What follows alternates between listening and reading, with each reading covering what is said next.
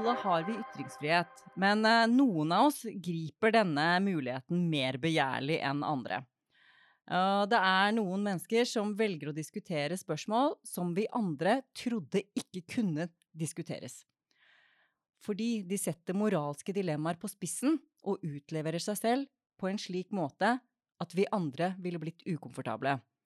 Og jeg syns slike folk er eh, interessante, litt fordi de tvinger oss andre til å se verden litt med nye øyne, men også fordi jeg er litt nysgjerrig på hva er det egentlig som driver dem.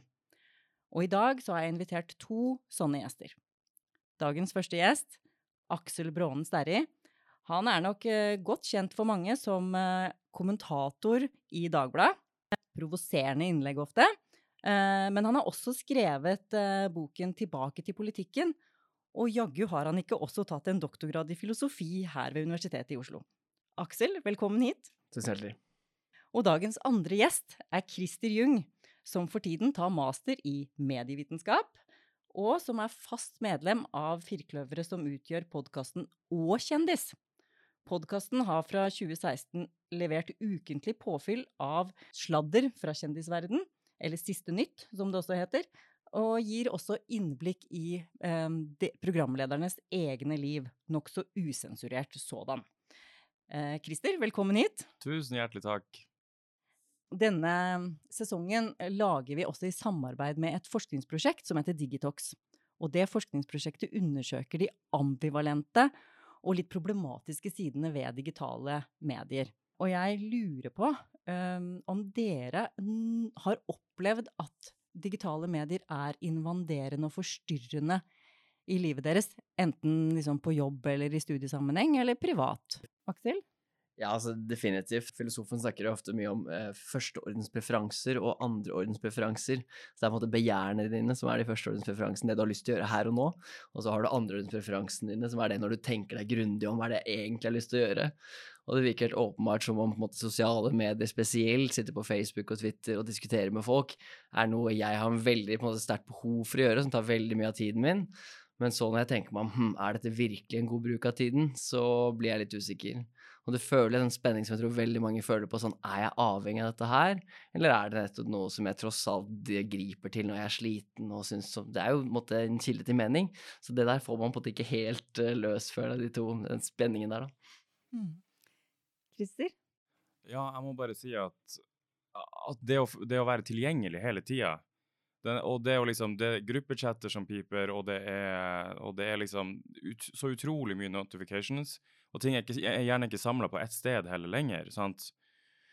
Sånn at det har bare Jeg har måttet virkelig ta både to og tre steg tilbake, fordi at jeg kjenner at det går litt utover psyken også. Det å liksom alltid skal være påkobla sånn. Altså det, går, altså det er sånn høyhastighetssamfunn som jeg føler eh, Det er litt uting eh, å skulle være kobla på hele tida, og jeg blir så sliten av det. Og jeg kjenner at det tar skikkelig mentalt på. Hva slags grep gjør dere da for å beskytte dere selv? Jeg har flere ting, altså spesielt når jeg har jobbet med doktorgraden. Og doktorgraden er jo sånn typisk en arbeid som tar krever veldig mye av det. Krever veldig konsentrasjon, og ikke at du på en måte blir grepet av det som måte, har korte deadlines. Uh, og da iallfall satte jeg, hadde jeg lengre periode hadde jeg Facebook-pause ved deaktiverte Facebook-kontoen min. Men før det så hadde jeg også en regel som var at jeg ikke skulle være på sosiale medier før klokka tolv. Og det høres ut som en veldig liten endring, men det hadde veldig mye å si for meg. For det er noe med det jeg hadde som vane å gjøre før, var på en måte å sjekke Facebook uh, som det første jeg gjorde hver morgen, og gjerne sette i gang en eller annen samtale med noen andre. Og da var det akkurat som den liksom tok tak i en måte en del av hjernen min, som gjorde at liksom, jeg ble trukket vekk fra det jeg på en måte følte jeg burde gjøre. Mm. Så når jeg på en måte ikke satte i gang det kjøret der på morgenen, så var jeg på en måte fortsatt ren, så drakk jeg kaffen min, startet arbeidet. Og da kjentes ikke behovet så sterkt heller på en måte klokka tolv, når jeg på en måte følte liksom ok, nå er det lov. Så det har iallfall vært én sentral ting i mitt liv. da, Prøve å komme seg vekk fra de sosiale mediene, enten ved å deaktivere dem, eller nettopp sette på sånne tidsbegrensninger. Ja, nei, jeg føler For eksempel hvis jeg er på gymmen, så har jeg sånn policy på at jeg alltid har Jeg har de podkastene jeg vil høre på nedlasta, jeg har de spillelistene av musikk som jeg vil høre på, i offline mode, og så setter jeg telefonen i flymodus. Og så har jeg sånn Jeg har ikke lov til å oppheve den flymodusen mens jeg er inne på gymmen, fordi at med en gang jeg deltar i samtaler og ting, så blir liksom sånn Jeg kan bruke en time, to timer ekstra på eh, på den gymøkta, uh, istedenfor å bare dra dit og gjøre meg ferdig. Og det blir liksom en sånn Det blir akkurat som en liten spaøkt, uh, der jeg liksom får dratt dit, starta dagen der, helt ro og mak. De serverer kaffe der. Altså, SIO Atletica er fantastisk, det Vulkansenteret der. Og, og roer helt ned. Så jeg begynte å lese igjen. Begynte å lese uh, fantasy, og nå leser jeg The Wheel of Time, som er ganske tjukke bøker. Og det er akkurat som at jeg har ikke lest på siden jeg var ungdom, og sånn fantasy er liksom betegna som liksom ungdomslitteratur. Og jeg måtte bare, Hvis jeg skal lese, så, så er det eneste jeg syns er liksom spennende å lese Hvis jeg skal virkelig Så må jeg fordype meg i en skikkelig tjukk fantasybok og på en måte ta del i et litt annet univers. Og det syns jeg er skikkelig deilig. Mm. Det høres ut som dere begge to har måter å regulere dere selv på, som er å sette grenser. Eh, men samtidig så får dere også mye igjen for å være på sosiale medier. Som jeg innledet med, så er dere folk som ytrer dere, og som får mye energi av det, vil jeg tro. Absolutt. Og det er det som gjør det vanskelig. ikke sant? Jeg tenker Det samme gjelder jo på en måte e-post. At Der kunne man på en måte hatt veldig sånne begrensninger, bare sjekke e-post der og da. Men det er sånn, det er også en måte å få unna arbeid på, få det unna når du på en måte kanskje ikke har så mye annet å gjøre. Og skal man sette av disse gull liksom. Det er sånn, Man kan lage et sånn perfekt system i hodet sitt som er sånn Bare mellom klokka to og tre skal jeg se på e-poster. Og det høres veldig bra ut for meg, men da sitter du også med å gå gjennom veldig veldig mye som du kunne gjort når du var på do, eller gikk fra A til B. Så jeg syns liksom alle de reglene er vanskelige, og det er nettopp sant, som du er inne på, dette med at vi får, tross alt får så mye ut av det. Jeg har på en måte masse venner på Facebook som jeg liker å holde kontakt med, og som jeg, på en måte, jeg får utrolig mange mye av på en måte nyhetene, men også forskningsartikler via Twitter. Jeg ser noen av de smarteste folkene innenfor økonomifaget, filosofifaget, hva det skal være, inngå i diskusjoner om metodiske spørsmål, substansielle spørsmål på Twitter. Og jeg bare får være på en måte en del av den samtalen er utrolig givende. Så det er på en måte det å melde seg helt ut av det virker på en måte veldig veldig eh, kostnadskrevende. Og jeg er litt usikker på om da på en måte gevinsten var ved å nettopp ta seg helt steget ut og bare si dette er ikke noe for meg, jeg skal leve som en sånn buddhistisk munk et eller annet sted og få fullstendig ro. Jeg vet ikke om det er, er det beste livet. Ja, for det blir liksom enten gjøre alt eller ingenting. Og jeg hører flere som bytter til sånne gamle Nokia-telefoner.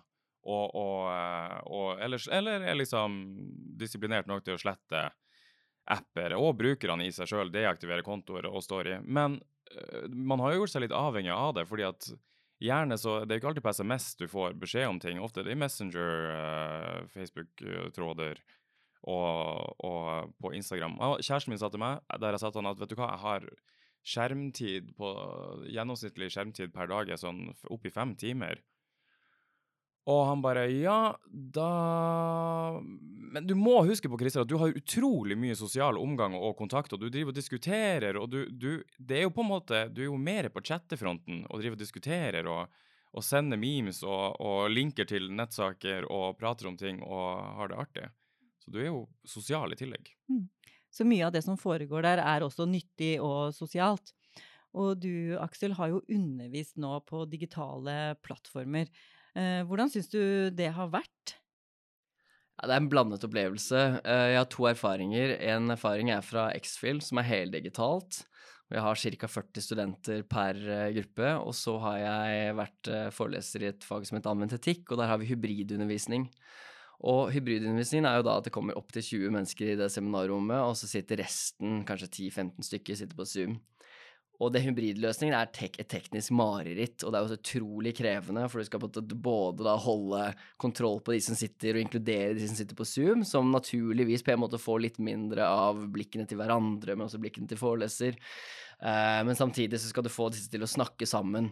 Utrolig vanskelig, men jeg har tenkt i etterkant at den hybridundervisningen er så mye bedre, for det er så mye som skjer merker det på bare studentkontakten. At det er så vanskelig for studentene, virker som de er bare er digitalt. For dem å på en måte ta kontakt med meg, stille en del sånne det de kanskje ser på som dumme spørsmål, som er helt nødvendige spørsmål å stille, det er jo veldig lett i eh, Når du er fysisk i forelesningssalen eller i seminarrommet, så er det lett å bare si i pausen sånn Du, jeg skjønte ikke det helt, eller kan du forklare dette litt mer? Jeg har tenkt litt på disse temaene vi tar opp. Hm, kunne vi kanskje gjort dette her litt annerledes? Eller bli igjen etter seminaret. ikke sant? Når det er ferdig, så har man en halvtime man bare står i gangen og prater sammen. Og det er også er jo sånn studentene selv blir kjent med hverandre og får et eller annet fellesskap. Så de studentene som ikke har det, blant annet av førsteårsstudentene nå, som jeg har da noen av i X-Fill, det er langt fra optimalt. Mm. Og du Christer, du er student eh, og har eh, opplevd og deltatt i digital undervisning. Hva er dine opplevelser omkring disse dilemmaene? Ja, for det er interessant fordi at uh, nå har jeg jo snart brukt opp alle de her studieårene.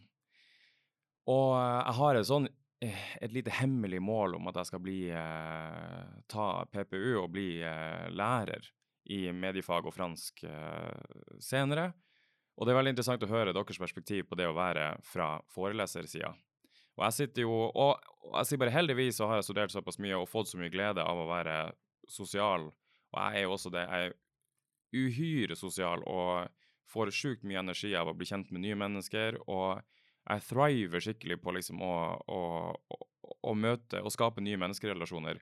Og det å være førsteårsstudent nå, og være det første du kommer rett fra videregående, gjerne flytta fra en annen by til Oslo, det tror jeg må være jævlig tøft. Og spesielt hvis du bor uh, Altså, du får ikke møtt folk på treningssenteret, du får ikke, møtt, du får ikke dratt ut på byen heller. Og det er jo altså Herregud, hvor mye jeg festa når jeg var yngre. Altså, jeg, herre jemini. Så det Men også det Man sitter der på Zoom, og så prøvde jeg liksom første forelesninga å sette et godt eksempel, og for foreleser ba om det.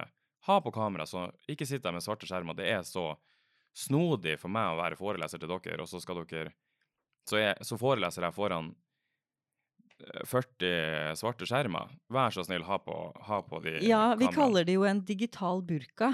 Ja. Oi, det er gøy. Dere har en betegnelse? Vi har en betegnelse, ja, og vi liker det, det, ikke. Nei. Fordi det gir oss jo ikke noe feedback, og, og, følelsen av å snakke til svarte skjermer er ganske ubehagelig. Så jeg lurer på hvorfor studenter velger å ikke ha det på.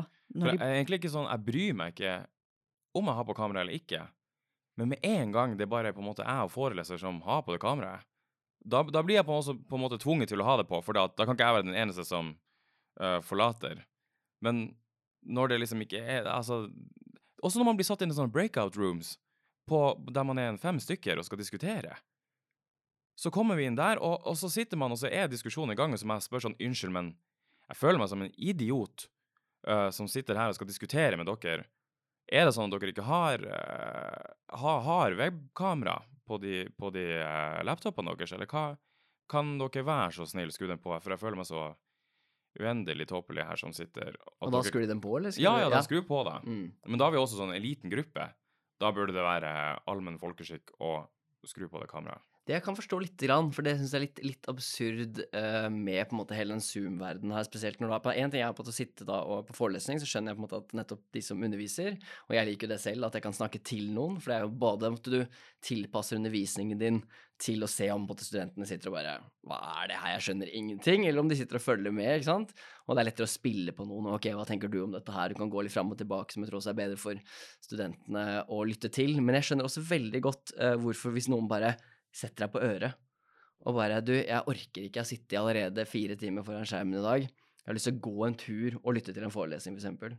Eller lytte til et seminar, kanskje også delta. Det er vanskelig å delta, selvfølgelig. Men det tenker jeg at er sånn her, en litt sånn merkelig ting ved at vi allerede har så mye tid foran de skjermene. Og jeg blir helt uh, gæren i hodet av det, spesielt disse møtene som er bare så lite konstruktive. En ting er å stå selv og være på en måte foreleseren, for da får du noe energi bare av det. Men derimot det å sitte og vente på at andre skal si noe, det er ganske krevende. Jeg har også sittet og gjort uh, bare, bare skrudd av kameraet, eh, lagt uh, lokket på laptopen litt ned på skrå, og så har jeg sittet på yogamatta og gjort litt sånn yogaøvelser mens jeg bare hørt på hørt på hva foreleseren sier.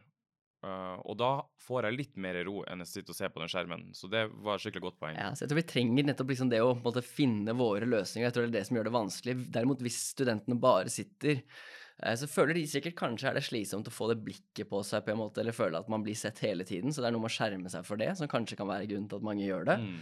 Og det er jo på en måte, om det ikke er menneskerett, så jeg skjønner jeg at det er et ganske grunnleggende behov folk har. Men jeg tror nettopp at vi trenger å være litt sånn kreative.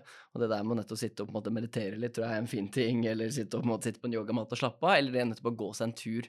Finne kreative løsninger på dette Zoom-kjøret. Men ikke hvis du er i en eh, seminargruppe på fem stykker. Da, da, må man nesten delta. Ja. Ja, det er forskjell eh, mellom liksom en liten gruppe og en, en, stor, eh, en stor, studentmasse, da, som, som eh, Aksel sier her. Så er det jo veldig gode grunner til å beskytte seg mot alle de timene foran skjerm, og at eh, jeg også skjønner jo veldig godt det behovet for å gjøre andre ting ved siden av, og jeg har også gjort det selv og skrudd av kamera for å gjøre andre ting når det ikke er nødvendig at jeg er til stede. Og vi har heller ikke lov til å kreve at studentene har på kamera. Men det er en ny situasjon, og veldig mange av, av forelesere de lever og åndrer for studentenes tilbakemeldinger. Ja. Det de får tilbake, det er jo så viktig. Det, er, det gir jo energi og motivasjon, og som du sier, det gir signal om blir dette forstått og er vi på samme planet her, ikke sant? Mm. Så vi kan, ikke, vi kan, ikke, gi opp. Vi kan ikke la studentene bare sitte med, med, svarte skjermer. Jeg vet at I Tromsø så har de hatt en stor kampanje for å få studentene til å, å, ha på skjermer. Men jeg også lurer på det om det skaper nye relasjoner mellom studenter og forelesere.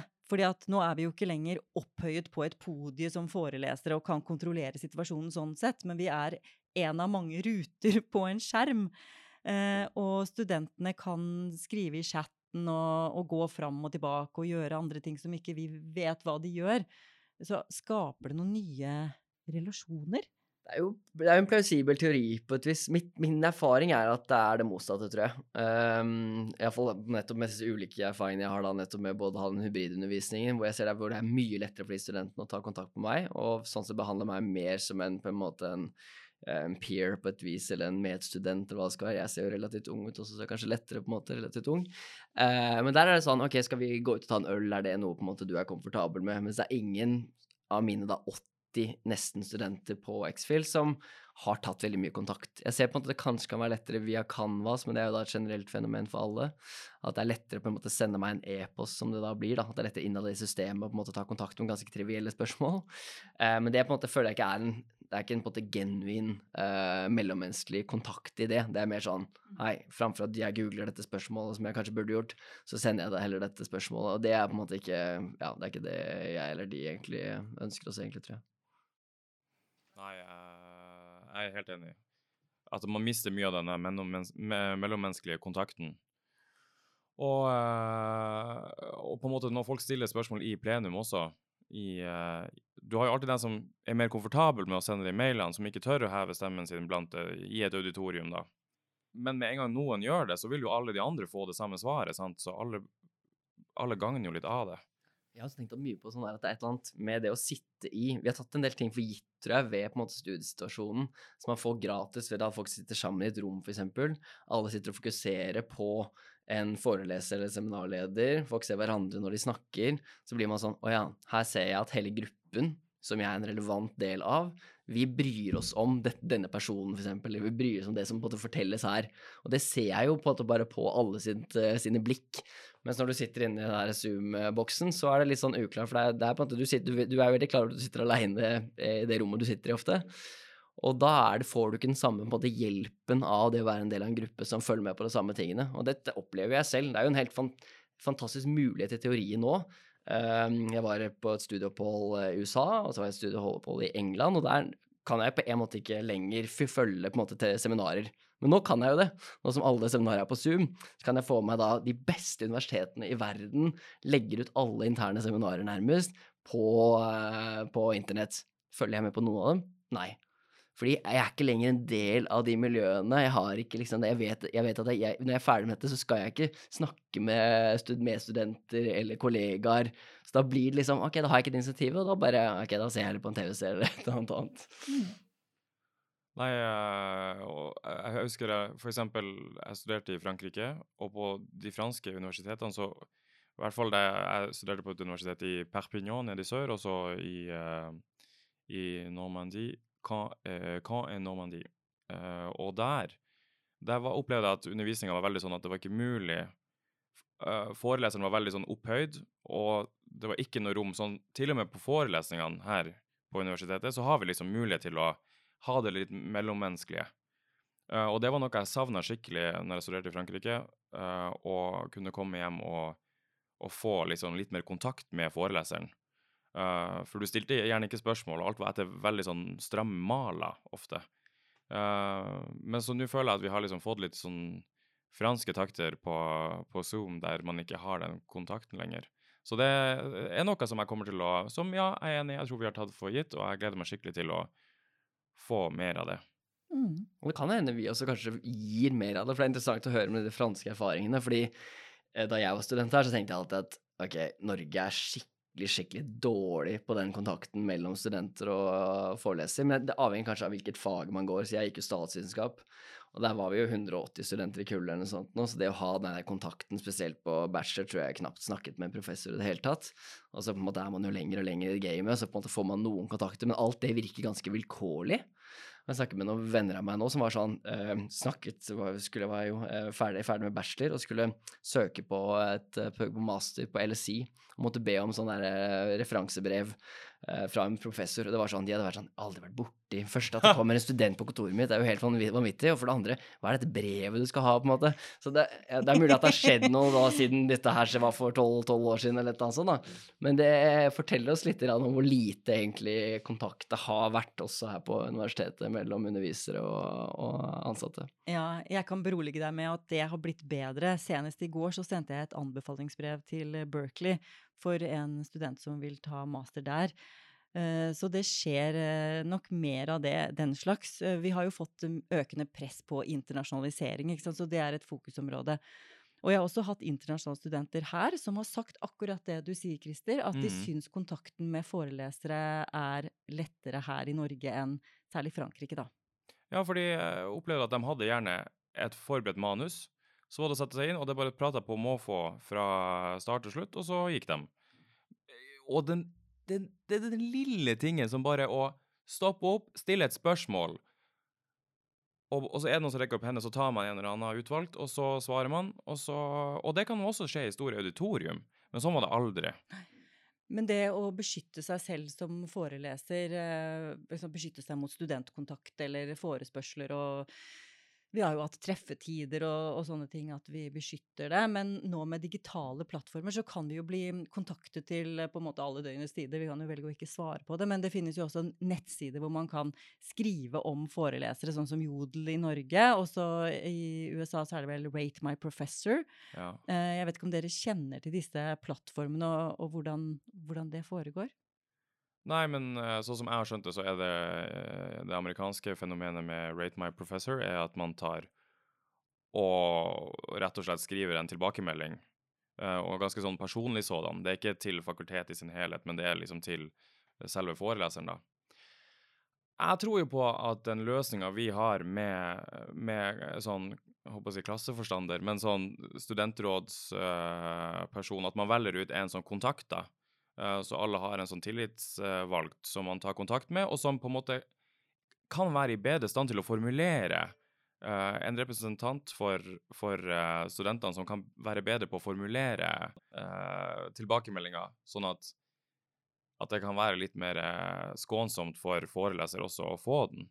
Fordi jeg tror ikke Det er ikke alltid like sunt å bare lese ufiltrert kritikk. det blir sånn som hvis det er et eh, kommentarfelt, eh, en artikkel som omhandler deg, så tror jeg kanskje ville holdt meg unna. Altså, i dette jodel-greiene, for det kan skille mellom ulike måte, tilbakemeldingsforumer, og jeg har ikke selv vært på Jodel, men jeg har en god kompis som har vært foreleser bort på BI, som har vært veldig opptatt av Jodel-kritikken han har mottatt. Uh, han har et sånn vanskelig statistikkurs, og der har han fått en del negativ tilbakemelding. Wow. Men sant, det er også en, slik jeg forstår det, en, sånn, det er en helt anonym uh, tilbakemeldingsplattform, hvor også jeg antar at det er noe med sjargongen, sånn det belønnes på en måte å dra på litt, da. Mens, og det er nok ikke en heldig form for tilbakemelding til professorer eller lærere generelt, tror jeg. Eh, men det er nok også et sted hvor jeg antar at lærere ikke burde følge så mye med. Altså, det kan være ikke sant, mulig at ungdommen kan ha sine ting på det, på, det, på det, området der. Men jeg må innrømme at jeg er litt besnæret av dette Rate my professor-systemet, eller en sånn å gjøre på en måte tilgjengelig studentevalueringene. Så på Harvard, der jeg var en liten periode, der har de et sånn de har selvfølgelig Rate My Professor-greiene ligger på en måte som en side en, en måte utenfor systemet, men også innenfor systemet så står det på hvert eneste kurs dette her har fått en gjennomsnittlig score fra studentene på så og så mye. Og Det er klart at, du, det er ikke sikkert at grunnen til at eh, foreleserne på Harvard er så interessert i studentene sine, og at de pisker de teaching fellows sine og seminarlederne så mye som de gjør. Det er på en måte for å måte virkelig gi et tilbud til studentene. Men det kan jo godt hende at det henger sammen. Selvfølgelig er det også kunder, så de betaler jo enormt mye penger. Men der er det Du bare ser det er en helt annen på en måte eh, sånn mental eh, orientering fra de, fra de, lærerne der. De bryr seg så mye om studentene sine, og at det kurset skal være skikkelig, skikkelig bra. Og de, på en måte, de på en måte firer ikke på den kvaliteten, men de prøver å gjøre da et fag om epistemologi, erkjennelsesteori, til å liksom snakke om eh, Trump og de tingene som måtte, på en måte betyr noe for studentene nå, da. Og det tror jeg henger sammen med evalueringssystemet, og det henger sammen med kundesystemet. Altså vi trenger kanskje litt mer markeder noen ganger, selv om vi åpenbart ser alle nedsidene med det også. Mm. For denne Rate My Professor har jeg jo lest eh, også med litt sånn skrekkblandet fryd, fordi jeg ser jo at mine amerikanske kollegaer blir vurdert på utseende og klesdrakt, og det er eh, Altså, det det er ikke bare rent faglige eller pedagogiske egenskaper som vurderes, men eh, jeg er enig med deg, Aksel, i at de evalueringene som gis, som, som handler mer om selve studietilbudet, at det trenger vi jo å kommunisere til studentene, sånn at, de, så at det ikke, ikke bare blir gjemt i en skuff, da så er det en ulempe, ikke sant, som er det der som jeg tror det er virkelig det vanskelige, er jo spørsmålet Er det en sammenheng mellom eh, rangeringen, eller på en måte den tilbakemeldingen studenten gir, iallfall den kvantitative tilbakemeldingen de gir, er dette kurset fra 1 til 5, er den 4,2, liksom, så for, har det egentlig noe å si, eller korrelerer det med om eh, de lærer noe? Og der tror jeg Det finnes en del forskning på dette, og det tyder egentlig ikke på at det er noen sammenheng mellom det, eller det studentene faktisk får ut av faget, og slik de rangerer det. Så har jeg likevel litt tro på at hvis studenter blir begeistret, så er det ikke sikkert at de tok med seg mer av det konkrete faget. Men jeg hadde f.eks. professor Bernt Hagtvedt på statsvitenskap, og jeg vil ikke si nå i etterkant at hans fag om folkemord, eller den, det fag som lokket meg på Blindern, første var sånn forelesning han hadde, at de nødvendigvis var enormt bra, eller at jeg lærte masse av det. Men han var så inspirerende figur at kanskje han gjorde statsvitenskap som fag spennende. ikke sant? Og det var sånn å lenke det på debatten. Ok, vi er viktige, på en måte. Og da kan det godt hende at man tar det, liksom, den inspirasjonen og tar den videre. Og jeg tror med motasjon, og det er jo en greie i dag med Zoom og sånn også, motivasjon er jo virkelig den knappe ressursen. Så er på en måte, ok, Hvis vi på en måte kan inspireres til å gjøre noe, kan inspireres til å på en måte lese flere bøker, snakke mer om faget vårt over en øl, det er det vi trenger mer av. ikke sant? Mm. Så det tror jeg kanskje de der uh, studenttilbakemeldingene faktisk fanger opp. da. Ble jeg, ble jeg inspirert av dette her. Ja, altså Vi satt i lunsj nå, jeg og noen medstudenter, og vi drev og skulle liksom eh, snakke om hvilke emner man skulle ta. Og så interessant å høre på hvordan alle snakka om Ja, Foreleserne gjorde bakgrunnssøk på alle sammen. Uh, eh, sjekka opp sånn og sånn og sånn, forhørte seg med andre som har vært på studiet tidligere, som de kjenner til. OK, hva du syns om den foreleseren? OK, OK, OK. For tørr pinne skulle man ikke ha noe av. Uh, det var kjedelig, fordi da kunne man ta et spennende fag, men det ville allikevel bli kjedelig, fordi foreleseren uh, ikke hadde like mye drivkraft da. Og så, så det var interessant med sånn tilbakemelding at man at vi nettopp satt og snakka om det i lunsjen, og, og liksom at man var litt var på hvilke fag man skulle ta, avhengig av hvilke forelesere som var. Og det er jo et argument, tenker jeg, egentlig for Altså, man kan være på en måte så skeptisk man vil til sånne systemer, og det kan være gode grunner for det, men hvis det er slik at studentene begynner å bruke prøver å innhente informasjon, så fins det plutselig et argument av nesten sånn skadereduksjonshensyn, og bare si ok, da tilbyr vi fra universitetets side iallfall en strømlinjeformet informasjon som på en måte studentene kan stole på, da. Ellers så blir det veldig sånn anekdotisk bevis og jeg litt ikke ja. den foreleseren. Ja. Fordi det kommer til å bli sjekka uansett, og de kommer til å snakke om det, og de kommer til å google og ja. Ja, man har jo mye verktøy tilgjengelig. Man har sine metoder. Ja, og du Christer, du jobber jo med en masteroppgave som handler om noen av disse tematikkene.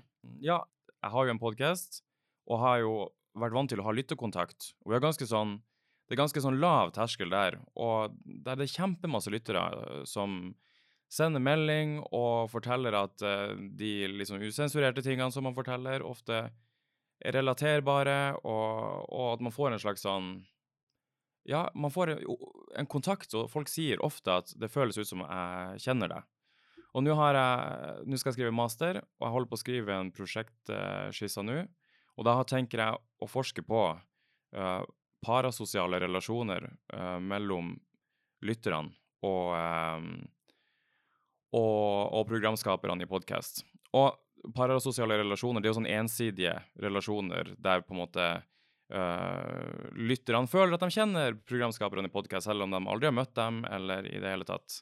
Og det finnes jo masse forskning uh, og sånn studier som viser til at parasosiale relasjoner eksisterer på mange plan og i mange forskjellige medier. Men jeg har lyst til å se på om altså om denne parasosiale relasjonen, og f.eks.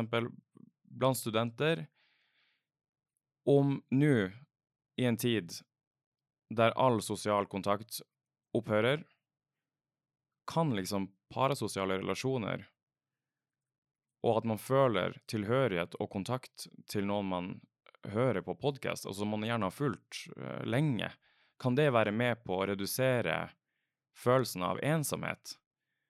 Så jeg har lyst til å mm, gjøre en litt sånn tverrfaglig greie mellom psykologi og, og medier, og skrive en master om det, og finne ut om Og litt også for, å, for min egen del å vite om OK, folk sier til meg det her, at de føler Altså rett og slett føler for meg. Jeg skal gifte meg eh, i juni neste år. Og sånn som jeg møtte han eh, jeg skal gifte meg med, han Steinar uh, han hørte på podkasten. Uh, han var student i Volda og hørte på podkasten, og, uh, og, og, sånn har han liksom oppdaga meg. Og han fortalte liksom vennene sine, ja, som også i vennegjengen også hørte på podden, at jeg tror jeg og Christer vi kunne passa sammen. Og, og så flytta han til Oslo senere, og så møttes vi, og så er vi forlova. Så fantastisk rørende historie. Så derfor også vil jeg, og hvis, jeg da kan, hvis, hvis det kan tenkes at at det å drive, drive med podkasting kan bety noe mer for noen, spesielt i en sånn kriseperiode vi er i nå. Um, også for min egen del så vil det Ja, det gir skikkelig mening, da. Ja, det høres spennende ut, og vi gleder oss til å lese masteroppgaven Oho. når den blir ferdig.